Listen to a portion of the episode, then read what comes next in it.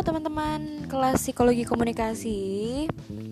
Uh, Untuk materi minggu ini Saya sengaja menyiarkan ini di podcast Dan nanti teman-teman bisa mendengar ulang di Spotify Atau nanti saya download dan saya kirimkan ke WA Kalau misalnya size-nya uh, mencukupi untuk bisa dikirim lewat WA Oke, okay, di pertemuan minggu lalu kita sudah membahas tentang uh, konsep diri.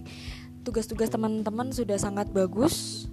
Uh, Bowo, Chandra, uh, Restu bagus-bagus, yang lainnya juga bagus. Alvin semuanya bagus.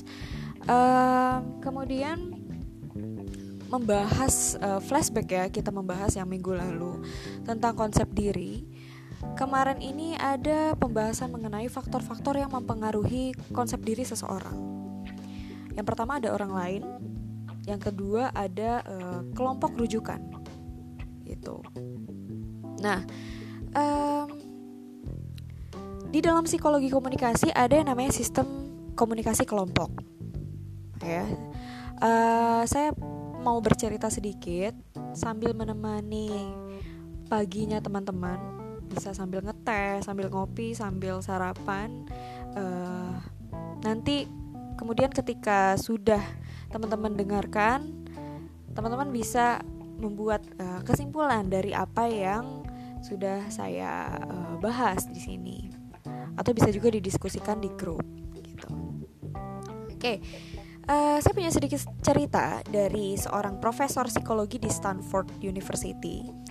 Namanya uh, Profesor Philip Philip Zimbardo. Dia ini membuat eksperimen yang sangat uh, kontroversial bersama beberapa orang rekannya dia ini pengen tahu apakah perilaku tahanan tahanan di penjara ya dan penjaganya itu disebabkan oleh situasi penjara atau oleh karakteristik mereka sendiri. Nah uh, jadi di Stanford University itu kira-kira adalah sekitar 75 orang mahasiswa dia diseleksi secara uh, mereka sorry mereka diseleksi secara klinis dan 21 orang dipilih karena kepribadiannya dianggap dewasa dan stabil ya. Uh, kemudian mereka uh, dimohon untuk ikut serta dalam eksperimen psikologi ini selama dua minggu dengan uh, honor sebesar 15 dolar sehari bisa dikalikan 15 sekarang dolar berapa? 16 ribu ya itu sehari.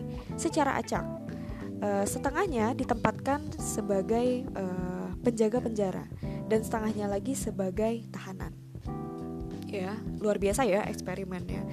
Nah, supaya suasana eksperimen itu mirip uh, mirip kenyataan, kenyataan yang sebenarnya, para tahanan ini dijemput polisi. Jadi si mahasiswa tadi itu dijemput sama polisi dari rumah-rumah mereka. Dan masing-masing ya ini dibikin dibikin skenario. Dituduh sebagai pencuri. Uh, ada yang pencuri uh, kemudian macam-macam lah.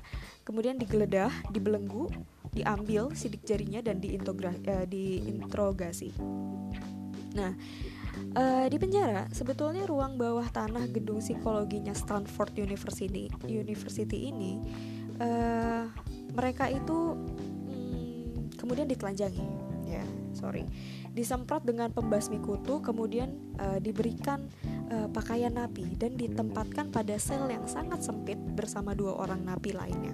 Ya, napi di sini adalah uh, tanda kutip ya. Jadi uh, yang tadi sudah dipilih itu uh, diskenariokan sebagai napi. Gitu.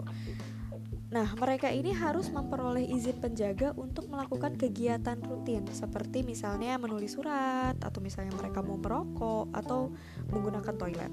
Nah, para penjaga tadi kan udah ada yang ditugaskan menjadi penjaga ya di skenario-nya. Itu bekerja secara bergiliran.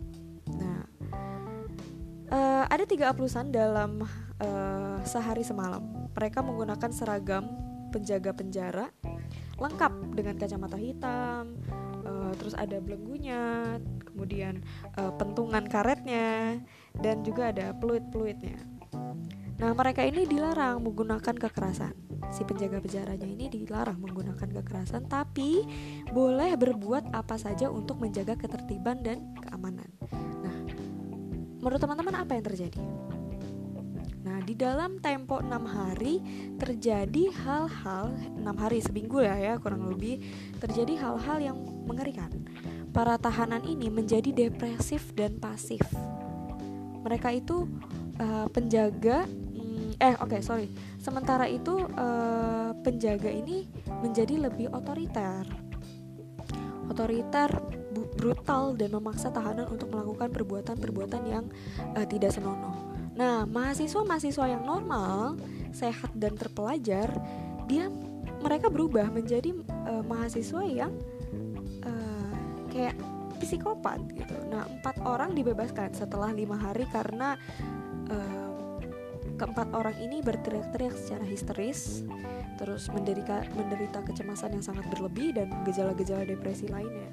Kemudian seorang di antara mereka itu dikeluarkan karena menunjukkan gejala psikosomatis, ya, psikosomatis.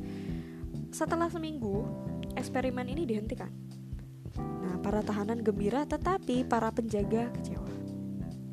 Dan berdasarkan hasil eksperimen ini, nah, Profesor uh, tadi uh, Zimbardo ya, Philip Zimbardo ini menyimpulkan bahwa perilaku sadistis para penjaga penjara dan perilaku pasif para tahanan bukan disebabkan oleh pembawaan mereka, melainkan karena pengaruh kelompok rujukan yang diidentifikasi mereka. Ya, banyak kritik dilontarkan pada eksperimen ini. Dari segi misalnya metodologisnya dan etis juga ya. Namun apa pun kelemahannya, penelitian ini membuktikan pengaruh kelompok pada uh, perilaku anggota-anggotanya. Gitu. Jadi uh, kelompok dan sebuah kelompok itu sangat berpengaruh pada perilaku komunikasi ya nanti juga uh, di materi selanjutnya kita akan membahas tentang klasifikasi kelompok gitu. kemudian klasifikasi kelompok itu ada yang namanya kelompok primer, ada yang namanya kelompok sekunder, gitu. ada in group, ada out group, gitu. Kemudian ada uh, kelompok keanggotaan, kelompok rujukan. Nah, itu akan kita bahas dan saya akan bikin modulnya dulu. Tapi untuk minggu ini saya hanya hmm, karena kemarin tugasnya sudah banyak ya, jadi mungkin teman-teman ada yang mengeluh karena uh, tugas pada saat pendidikan jarak jauh ini malah semakin bertambah.